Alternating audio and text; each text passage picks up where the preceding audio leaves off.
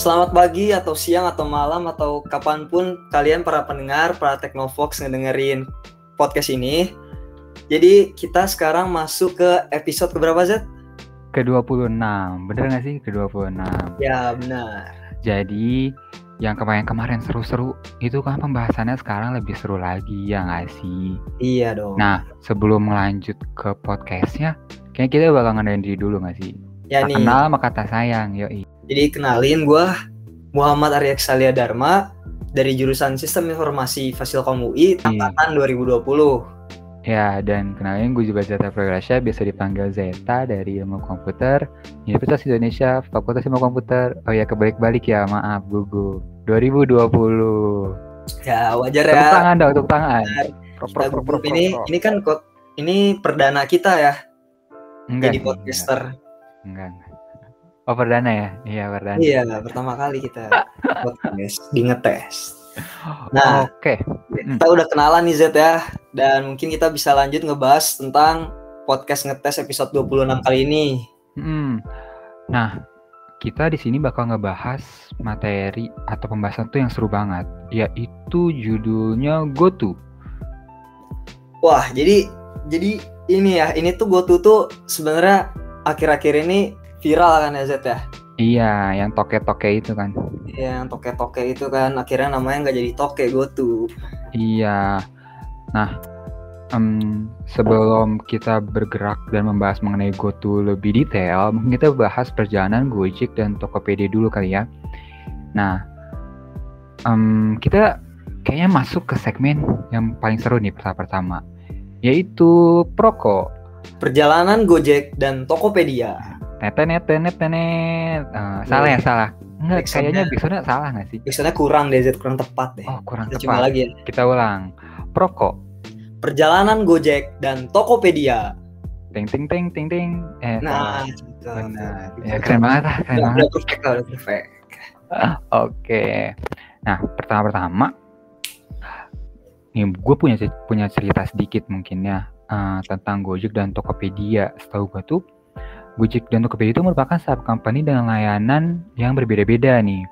Terus em, yang gue tahu itu Gojek didirikan oleh Panadi Makarim yang berfokus pada layanan on demand dan mungkin lebih tepatnya Gojek berawal dari sebuah layanan ojek online ya. Ah ya bener banget Z. Jadi Gojek itu emang awalnya tuh hanya berfokus pada layanan ojek online di bidang logistik. Nah, tapi sampai sekarang perjalanan Gojek nih kita sampai sekarang Gojek kan jadi super app kan yang gak cuman layanan ojek online aja. Hmm, benar-benar. Kalau Tokopedia sendiri nih Z awalnya tuh didirikan oleh Bapak William Tanuwijaya bersama rekannya Leontinus Alpha Edison. Wih, itu yang pokoknya namanya Alpha Edition gitu keren semua ya sih. Kayak Oh iya, Zeta Prawirasyah Limited Edition. Yo, Nah, Karena karena lu cuma ada satu di dunia ya Z. Oke, ada benar-benar. dua ya. Dan oh ya Tokopedia ini itu dari awal sampai sekarang itu dia nggak berubah, tetap berusaha menjadi layanan e-commerce terbaik di Indonesia. Wih, keren banget. Nah, kalau tadi kan baru awalnya nih. Kayaknya gue punya cerita sedikit dari tahun ke tahun nih. Awalnya tuh tahun 2009 Tokopedia memulai transaksi antar konsumen ya, Sa. Terus Oh, sih ya. Iya, kalau Tokopedia itu tahun 2009, tapi Gojek itu pada tahun 2010 memulai sebagai call center untuk memesan ojek. Oh, jadi seumuran ya mereka ya. Iya, beda setahun doang gak sih?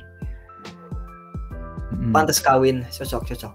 Nikah, nikah. Mau nikah, beda ya Zet ya? Oh, be- beda beda, udah udah. Oke. Oke, terus eh kalau lu tahu tentang apa sa? Tentang Tokopedia? Nah, setelah didirikan itu, jadi kedua perusahaan ini setahu gua tuh selalu membuahkan inovasi-inovasi baru. Contohnya nih ya, lanjut ke tahun 2015, Tokopedia itu memelopori pengiriman instan dengan perusahaan ride hailing yang pertama kalinya. Nah, selain itu di tahun yang sama nih Z, Gojek juga meluncurkan aplikasi dengan empat layanan utama, ada GoRide, GoSend, GoFood, sama GoMart. wah, keren banget. Tapi tapi kayaknya nggak nyampe 2015 deh. Itu pada tahun selanjutnya juga setahu gue Tokopedia itu mulai merambah ke bisnis barang-barang digital dan teknologi finansial. Nah, itu juga uh, setahu gue pada tahun 2016 itu ya, gue dengar-dengar uh, Gojek juga melakukan terobosan yaitu meluncurkan GoPay dan GoCar. Keren banget. Ya, keren banget emang selalu ada inovasi ya. Tapi ternyata masih banyak lagi nih Zed nih di tahun oh, iya. 14 juga Tokopedia meluncurkan mit yang namanya Mitra Tokopedia Sedangkan Gojek tuh mulai expand nih bisnisnya dia nyampe ke Vietnam sama Singapura dengan meluncurkan wow. GoPay Open Loop. Iya iya. Oh berarti kalau nggak salah tahun depannya juga gue denger tuh 2019 Tokopedia meluncurkan toko cabang. Oh yang ini nih yang bisa disebut juga fasilitas gudang Tokopedia dan memperkenalkan Tokopedia Salam. Uh keren banget ya. Oh, iya dong gak hanya dari inovasi juga Zed ternyata dari keuangan juga mereka mulai naik nih sampai akhirnya pada tahun 2019 itu Gojek menjadi perusahaan dekakorn pertama di Indonesia. Wow.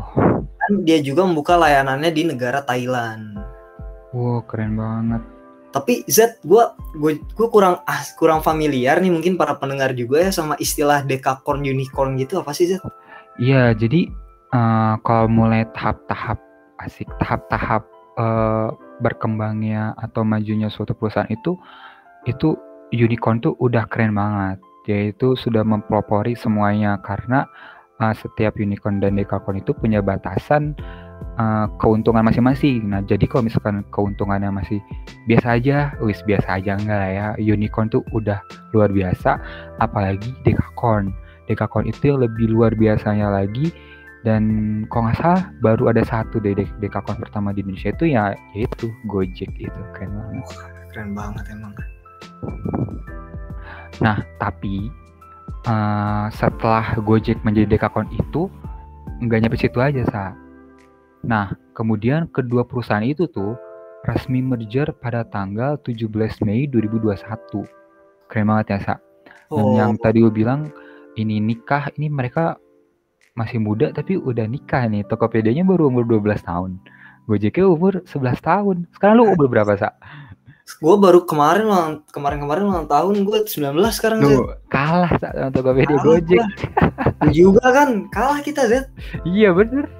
Ini Tokopedia umur 12 tahun udah agresif aja nih nikahin umur 11 tahun. Kalau kata Pak William, jodoh itu pasti akan ketemu. Oh iya benar. Oh William memang milih jodohnya juga hebat ya Zet ya. Iya. jodohnya perusahaan miliaran juga. Mantap. Nah, kayak jadi jadi jadi gitu ya Zet ya. Kita udah bahas kayak perjalanan Gojek sama Tokopedia mulai dari mereka awal dibangun sampai hmm. akhirnya mereka jadi kedua salah satu startup terbesar di Indonesia. Iya, betul banget. Nah, kalau tadi kan udah bahas tentang perjalanan nih, merintisnya mereka. Nah, buat selanjutnya kita bakal membahas yang lebih seru lagi nih, yaitu ada namanya Fakto. Fakta GoTo. Teng teneng teneng teneng. Yo, keren banget. Jadi sesuai nama segmennya udah kebayang lah ya kita di segmen ini ngapain. Iya, bener banget. Jadi kita di sini bakal bahas tentang fakta tentang GoTo. Mungkin mungkin dari yang pertama nih ya, yang gue tahu GoTo itu memberikan kombinasi layanan e-commerce on demand serta layanan keuangan dan pembayaran pertama di Asia. Wow. Wow, bisnis unitnya banyak banget ya. Hmm, kalau lu tahu tentang apa lagi? Oke, setahu gue juga nih Zeta ya, ekosistem yang dibuat oleh GoTo Group ini, dia tuh berkontribusi 2% dari total produk domestik bruto atau PDB Indonesia. Dan mungkin para pendengar ngedengarnya kayak 2% kecil banget gitu kan, cuma 2%. Nah, tapi 2% dari berapa dulu nih? Hmm. Nah, PDB Indonesia itu pada tahun 2020 ada sebanyak sebanyak berapa sih, Dad? 14 ribu triliun. 14 ribu 434 ribu triliun rupiah. Wah Gila. Dan dan GoTo tuh berkontribusi dua persennya, dua persen dari lima belas ribu triliun aja udah wah. Iya, tiga ratusan nggak sih? Tiga ratus triliunan. Nah, selain dia mewak- me- berkontribusi 2% dari PDB Indonesia juga, dia tuh sudah melayani 270 juta konsumen di Indonesia. Dan sekarang pasar pasarnya juga dia udah berkembang ke berbagai negara di Asia Tenggara. Wah, keren banget. Nah, mungkin kan eh, itu gak cuma keuntungan buat mereka doang nih, Sa. Setahu gua, fakta selanjutnya dari GoTo itu memberikan peluang lebih banyak untuk menjadi mitra driver, UMKM, atau bentuk kewirausahaan lainnya. Jadi, Oh, jadi mm-mm. memang peluang apa gitu Zet yang mereka berikan ke driver UMKM-nya? Iya, jadi misalkan kalau misalkan sekarang ada yang jualan di rumah, sekarang tuh lebih luas lagi, lebih banyak peluang biar bisa join atau ikut menjadi bagian dari GoTo ini. Oh, jadi jadi lu jadi sekarang lebih merata ya persaingan Hmm. pasar ya. Bener banget. Yang kelas bawah juga, yang rumahan juga, yang di pedesaan jadi bisa ikut bersaing. Betul. Oke, gue juga punya fakta lainnya nih Zet. Apa tuh? Apa tuh? Ternyata GoTo itu adalah gabungan usaha terbesar yang pernah ada di Indonesia Wah, keren banget. dan juga kombinasi terbesar antara dua perusahaan yang berbasisnya itu internet dan layanan media di wilayah Asia loh. Wah, keren banget, keren banget. Nah, gabungan usaha terbesar itu, nih ya, mung- mungkin lu pernah denger nih, investor utama-utama yang dimiliki Gojek dan Tokopedia. Lu tahu aja nggak? Eh, lu tahu Wah, tahu apa siapa aja? Hmm, gue tahu banget tahu nih. Yang pertama, Alibaba Group. Wih, Alibaba, Alibaba. Iya, pok ame-ame belalang Alibaba itu ya. Oh, bukan. Oh, Iya. bukan, bukan, bukan. Itu Hmm. yang buat lu belanja-belanja itu ya. Oh iya benar. Terus ada Astra International, ada BlackRock, Capital Group, DST, Facebook, Google, JD.com, KKR, Northstar, Pacific Century Group, PayPal, Providence, Sequoia Capital, SoftBank Vision Fund One, Telkomsel, Temasek, Tencent, Visam, dan satu lagi Warburg Funsus. Wah, Wah, gue dari tadi dengerin gue hitung kira-kira ada lebih dari 20 investornya tuh. iya ini mulut sampai berbusa ini, Sa. Investornya gede-gede lagi itu. Iya, keren banget. banget. Nah, nih Zed, kan tadi lu udah nyebutin kan investornya siapa aja kan dan ternyata emang perusahaan gede-gede kan. Mm, betul. Berkat dari investor itu sekarang GoTo Group itu memiliki GTV atau total gross transaction value yang lebih dari du- 22 miliar USD pada tahun 2020. Wah, Nah, hanya itu berkat GoTo juga, GoTo juga pada 2020 nih di tahun yang sama dia punya 1,8 miliar transaksi. Dan juga 2 juta lebih dari 2 juta mitra driver, lalu lebih dari 11 juta mitra usaha atau merchant dan lebih dari 100 juta pengguna aktif per bulannya. wah. Kok lu tahu semua tentang gitu sih, Sa? Lu orang dalam Gojek ya, tak? Tak. Iya nih karena karena salah satu impian gua tuh bisa bisa intern jadi intern di Gojek gitu. Oh iya, boleh ya tolong dulu Gojek nih. Tokopedia yang mendengar nama saya Zeta Prawira. Yo. Ya saya Muhammad Reksa kalau tertarik nyari intern hubungi saya aja di LinkedIn ya. boleh, boleh, boleh. Wah, tentang GoTo-nya keren banget ya dari tadi. Eh, apa ya? Ini suatu kebanggaan juga gak sih buat Indonesia karena baru ada yang kayak begini terus langsung membludak langsung ke negeri harus pada tahu. Wah, Wah ya pasti bikin gua bikin gua merinding denger prestasinya nih Zat nih. Iya.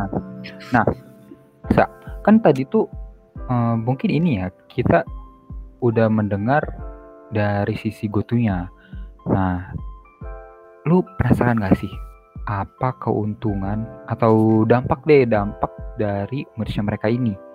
Oh iya dari dari tadi gua penasaran juga nih sebenarnya buat gua sendiri nih sebagai pengguna Gojek dan juga Tokopedia emang apa sih dampaknya ke gua Zat ya? Mungkin bisa lu jelasin di segmen berikutnya. Iya, nah kita sekarang masuk nih pas banget masuk ke segmen berikutnya yaitu Metuda. Membaca tujuan dan dampak GoTo. Iya, cincat cincat cincat. Oh iya, meriah banget ya. Meriah sekali. Emang harus meriah karena ini segmen terakhir kita ya. Iya, seru banget nih. Jadi gimana Kayak- gimana, Sa? Dari tadi ternyata dari segmen pertama ya kita udah ngomongin mulai dari perjalanan Gojek dan Tokopedia secara perusahaan masing-masing. Terus kita juga udah belajar fakta bahwa GoTo ini adalah suatu merger berita yang sangat besar yang gak hanya berpengaruh bagi Gojek dan Tokopedia itu sendiri, tapi juga bagi kita sebagai penggunanya, sebagai masyarakat Indonesia. Nah, Betul. tapi sebenarnya dari tadi kita ngomongin GoTo itu apa dan kita belum ngomongin kayak nih Zaya tujuannya tuh apa jadinya dari merger ini. Hmm. Jadi em, mungkin apa ya Zeta ngasih tahu sedikit tentang fun fact juga sih ini. Jadi meski telah merger nih Gojek dan Tokopedia, itu kan mungkin kita pikir GoTo itu akan menghasilkan suatu produk baru atau inovasi baru gitu kan.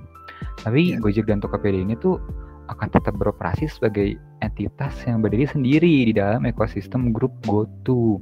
Jadi kayak ada payungnya gitu ya. Oh, jadi GoTo tuh hanya memayungi ya biar perusahaan Gojek dan Tokopedia lebih terintegrasi gitu ya. sebagai Betul satu. banget. Tapi manajemennya tetap tetap masing-masing gitu ya. Betul betul. Gila keren banget sih Z. Jadi jadi tujuan mergernya GoTo ini supaya terbentuknya suatu ekosistem antara Gojek dan Tokopedia yang mengkombinasikan Gojek, Tokopedia sama gue dengar-dengar satu bisnis unit lagi nih Z, Apa tuh? Yaitu layanan keuangan. Jadi kan tadi kan kita di faktanya yang lu sebutin Z, fakta yang pertama ya paling pertama gue ingat. Kan lu bilang GoTo itu mengkombinasikan e-commerce, layanan on demand dan layanan keuangan. Betul. Kalau kita jabarin nih, kan e-commerce itu Tokopedia setahu gua. Oh iya benar-benar. On demand-nya Gojek. Betul. Nah, jadi layanan keuangannya GoTo Financial kan? Sebenarnya Nah. apa sih Z GoTo Financial baru dulu? Nih. Jadi jadi asik. Ini dari orang dalam GoTo oh bukan ya, bukan. Oh, bukan. Calon Jadi- dalam orang GoTo. Amin. GoTo ini tuh emang berfokus pada layanan keuangan yang salah satu fokus utama bisnisnya itu. Jadi apa ya, GoTo Financial itu akan menyediakan layanan keuangan teknologi secara lengkap tanpa mengubah bisnis menjadi bank digital gitu, Sa. Oh, bener banget tuh kata Zeta ya. Mm-mm. Jadi GoTo ini karena layanan keuangan berarti dia bakal mendukung transaksi Gojek dan Tokopedia. Dia juga fokus sama transaksi keuangan sehari-hari. Nah, kalau kata CEO dari GoTo, Andre Sulistyo, GoTo ini juga bisa jadi sistem pay later. Waduh, Pay later tuh apa sih bagi kalian pendengar nih yang mungkin gak tahu ya? Jadi iya. kayak bisa mau gantiin kredit gitu loh, keren banget kan? Oh yang yang ngutang-ngutang gitu ya? Ya iya. Tapi gua harap kita semua dan para pendengar nggak perlu menggunakan fitur ini, walaupun fitur ini bermanfaat tentunya ya. tapi tapi siapa sih yang mau punya utang ya kan? Iya, jadi eh, ini tuh berguna banget kalau misalkan ada yang belum punya uang tapi udah ngebet-ngebet beli iPhone 12 gitu. Bor- Keputusan buruk utang demi Iya, jadi ini tuh penyelamat kita dengan menggunakan Mungkin pay juga tapi kita Hmm. pengen bikin bisnis ya Zat iya ya. betul, tapi ingat jangan lupa dibayar. Iya jangan lupa dibayar kan pay later Iya benar. harus bayar nanti harus Oke. dibayar. Asik. Wah, keren banget ya. Nah, hmm, mungkin gue punya cerita sedikit nih. Jadi tentang GoTo Financial itu punya investasi di Bank Jago tuh. Tahu nggak tuh Bank Jago? Yang Oh. ayam-ayam gitu. Oh bukan ya? Bang jago ya pakai pakai bank BANG atau BANK nih. gitu. BANG, ampun Bang Jago. Bang jago aduh ampun. Ternyata Iya. GoTo Financial punya premannya sendiri ya. Punya TikTok. Bang jago aduh. Oke, ke depannya tuh ada rencana pengembangan dengan Bank Jago. Tapi kata Pak Andres Wistia Ini Bang jago perbankan kan ya Iya ya? betul BANK Jago. Nah berdasarkan situs resminya itu GoTo Financial terdiri dari GoPay, terus PayLater yang tadi GoSure, GoInvestasi, GoStore, Moka, Sally, Mitrans dan GoBiz Plus. Banyak banget ya. banget ya fitur-fitur dari GoTo Financial. Iya, jangan sampai situ aja. Ada lagi GoTo Financial juga sudah bermitra dengan lebih dari 20 bank dan instansi institusi sorry keuangan lainnya. Oh, nah, gue juga dengar-dengar nih Zayat ya. Apa tuh? Dari peneliti Center of Innovation and Digital Economy, Bapak Indef Nailul Huda, dia tuh memperkirakan bahwa GoTo Financial berpotensi menjadi motor pertumbuhan GoTo. Katanya paling tidak GoTo Financial bisa membantunya bersaing dengan Sia Group. Waduh, Sia Group itu oh Itu loh Ah, Z yang dia yang bisnis unitnya salah satunya Shopee. oh yang Shopee Shopee gitu ya. Iya, Shopee itu milik Sia Group. Iya, jadi Shopee Pay itu milik Sia Group ya, keren banget. Nah, em, tapi yang gue tahu tentang itu tuh berdasarkan riset dari Neo Neurosensum kalau nggak salah, bener. Shopee Ya. Pay itu mendominasi pasar dompet digital Indonesia pada awal 2021. Gue jadi penasaran nih Z ya. Hmm? Kira-kira di kan sekarang masih didominasi oleh Shopee Pay ya, pasar dompet digital ya. Hmm, betul betul. Gue pengen tahu apakah kira-kira kira-kira tahun depan bakal jadi GoPay ya yang mendominasi pasar. Wah, kita tunggu saja ya. Ya kita tunggu saja kabarnya. Nah, kan kita udah ngomongin ini ya semua bisnis unit GoTo ya. Kita jadi tahu bahwa GoTo tuh punya e-commerce Tokped, dia juga punya layanan on demand Gojek dan juga punya layanan keuangan GoTo Financial. Betul betul. Setelah kita mungkin udah mulai kebayang ya bagi para kalian Teknofox bahwa GoTo tuh apa gitu sebenarnya kan. Nah, sekarang kita bakal bahas lebih dalam lagi nih tentang dampaknya. Uh, keren banget. Iya, jadi apa sih Sa dampak merge GoTo secara ekonomi itu? Coba yang pertama yang yang lu tahu apa Sa? Nah, jadi setahu gua tuh ya, kan dampaknya tuh besar ya. Betul. Jadi kayaknya kita bakal bahasnya kebagi menjadi dua kategori ya. Oh oke oke. Yang pertama, dampak merger GoTo secara ekonomi, secara industri. Nah, kategori yang kedua, dampak merger GoTo sebagai da- bagi konsumen dalam negeri, bagi kita-kita semua nih penggunanya. Wah, Mungkin lu bisa ceritain dulu Z gimana dampak merger GoTo tuh secara ekonomi, secara industri. oke oke. Jadi em, menurut CNN Indonesia, asik Indonesia menurut peneliti Center of Innovation and Digital Economy Indef Nihil Huda asik. Salah satu tujuan dari pembentukan GoTo adalah untuk menyaingi Shia Group dan Grab dan kawan-kawan yang telah menguasai pasar ekonomi digital ASEAN. Tapi tapi lu masih bingung gak sih Shia Group itu apa? Ya nih, gue cuman tahu bahwa dia tuh salah satunya pemilik Shopee itu aja sih. Oh, enggak enggak. Jadi Shia Group itu atau nama resminya adalah Shia Limited, merupakan perusahaan asal Singapura yang didirikan satu. oleh Forrest Lee pada tahun 2009. 2009. Salah satu lini usahanya itu yaitu yang tadi Shopee Shopee. Gitu. Oh, Shopee, Shopee. Selain Shopee itu ya, setahu gua saya Group juga ada bisnis unit lainnya saya. Apa tuh? Eh, ini eh, yang bikin game tau gak lu? Oh. Tau gak sekarang Point Blank itu dimiliki oleh perusahaan apa? Apa tuh? Garena. Zaya. Oh, gitu. Iya, ya? setahu gua dia punya Garena. Dia Wah, juga punya Garena. Iya ya, keren. Nah, eh, karena karena sudah sebesar itu tuh ya, terus eh, bila apa ya? Jadi dia itu udah besar banget. Terus dia itu eh, takut nih, apa namanya? Bukan takut ya, menurut Huda nih, asik pengamat, pengamat. Bila tujuannya bersaing di pasar Asia Tenggara, gue tuh punya potensi untuk meningkatkan pangsa pasar dan valuasinya. Prediksi nilai valuasi merger GoTo itu mencapai 20 miliar US dollar.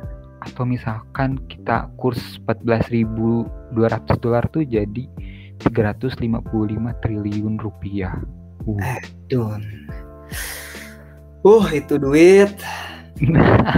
Wow, kalau gua kalau gua punya network segitu gimana ya Zat? Iya, Udah udah nggak ber udah nggak ber ber-ber apa udah nggak berbatas gitu. Asik, iya ya. Tapi, nah, eh, tapi kita harus mengakui ya, itu semua. eh, kalau misalnya kita ingin bersaing di pasar Asia, menurut Oh, Bapak masih Huda, masih sulit ya Zat ya? Iya masih Masih sulit. kecil kalau ingin bersaing di level Asia gitu. Hmm, karena suka atau tidak suka, faktanya dominasi para perusahaan digital ini Cina masih menjadi yang paling kuat di Asia. Tapi tidak menutup kemungkinan nggak sih kalau Indonesia bisa bersaing dengan Cina? Ya siapa tahu berkembang ya Iya, betul dan bisa banget. mengalahi apa bisa bersaing di level Asia. Iya, Lawan karena, lawan apa emang Z? iya, karena Kompetisinya siapa aja di level Asia? tantangan di level Asia itu sangat besar.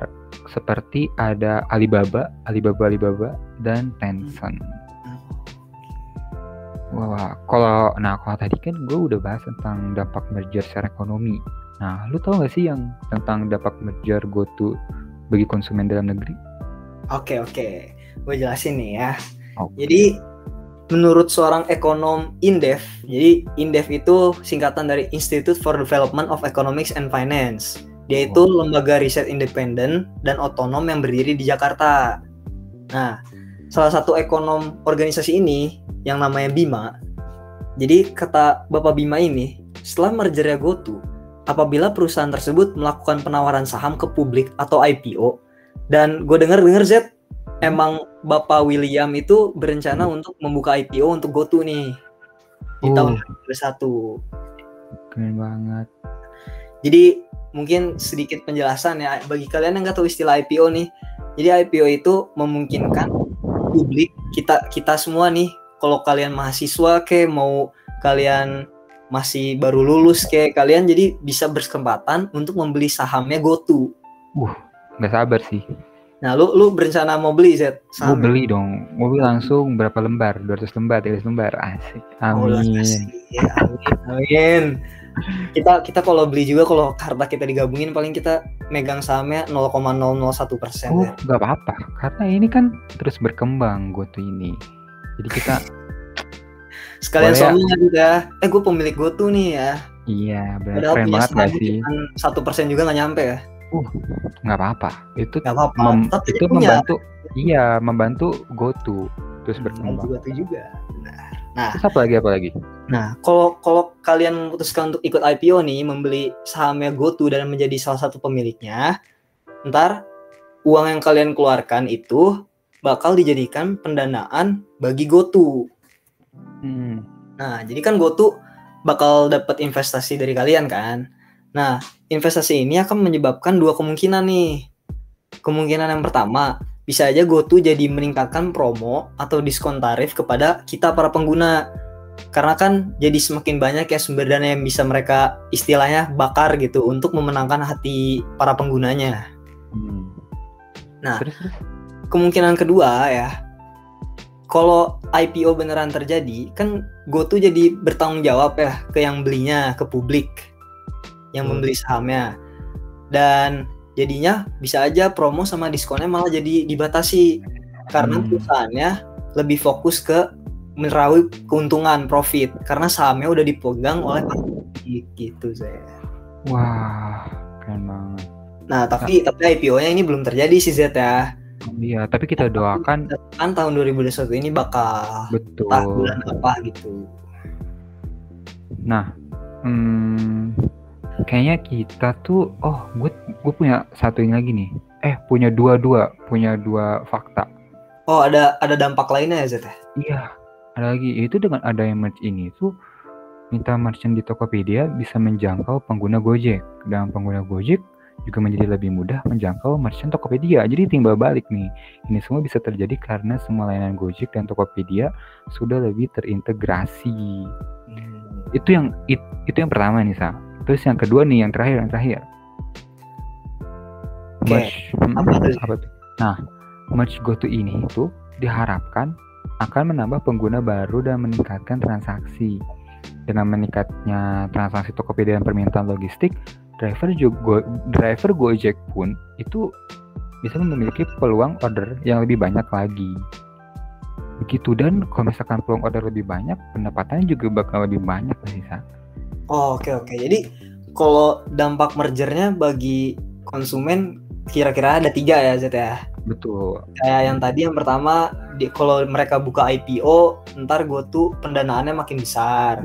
Terus Betul. juga ada dampak lainnya yaitu dengan mereka merge kan jadi lebih terintegra- terintegrasi ya perusahaannya ya. Hmm. Jadi Tokopedia bisa menjangkau pengguna Gojek, Gojek juga bisa menjangkau para merchant di Tokopedia. ya. Betul. Dan dampak yang terakhir tadi merger Gojek kan kalau penggunanya nambah, ntar transaksinya nambah. Betul. Transaksinya nambah berarti permintaan permintaan ke GoTo-nya juga makin nambah. Iya, dan pendapatannya tuh jadi lebih banyak. Oh, benar lebih banyak. Oke, jadi sing- singkat ceritanya begitu ya guys dampaknya untuk konsumen. Iya guys, iya guys. Umum banget ya guys ya. Jangan guys deh apa ya bros sis. Wah seru banget perbincangan kali ini ya Sa. Iya nih. Uh, mungkin next podcast kita tunggu setelah IPO-nya ya Sa. Iya nih. Jadi kalian siap-siap aja kocek-kocek uang kalian bagi yang ingin beli saham GoTo. Boleh boleh. Kocak-kocek, kocak-kocek. Oke, jadi itu adalah segmen terakhir kita. Ternyata perjalanan kita udah cukup jauh ya Z ya di Iya betul banget. ini Hmm, mulai dari mulai dari segmen yang pertama di mana kita bahas perjalanannya Gojek sama Tokped sampai ke dampaknya. ya betul. Dan sebelum mengakhiri semua ini, jangan lupa para pendengar Technofox untuk banget untuk apa ya? Untuk selalu update asik tentang Confess itu di website Confess itu confess.id, in- Instagram Confess yaitu @confess dan YouTube, Twitter, Facebook, and LinkedIn yaitu Confess. Dan sampai jumpa di ngetes selanjutnya. Iya tuh. Bye-bye. Eh, jangan lupa ya follow biar kalian gak kelewatan apa pun yang ditawarkan Confess. Bye.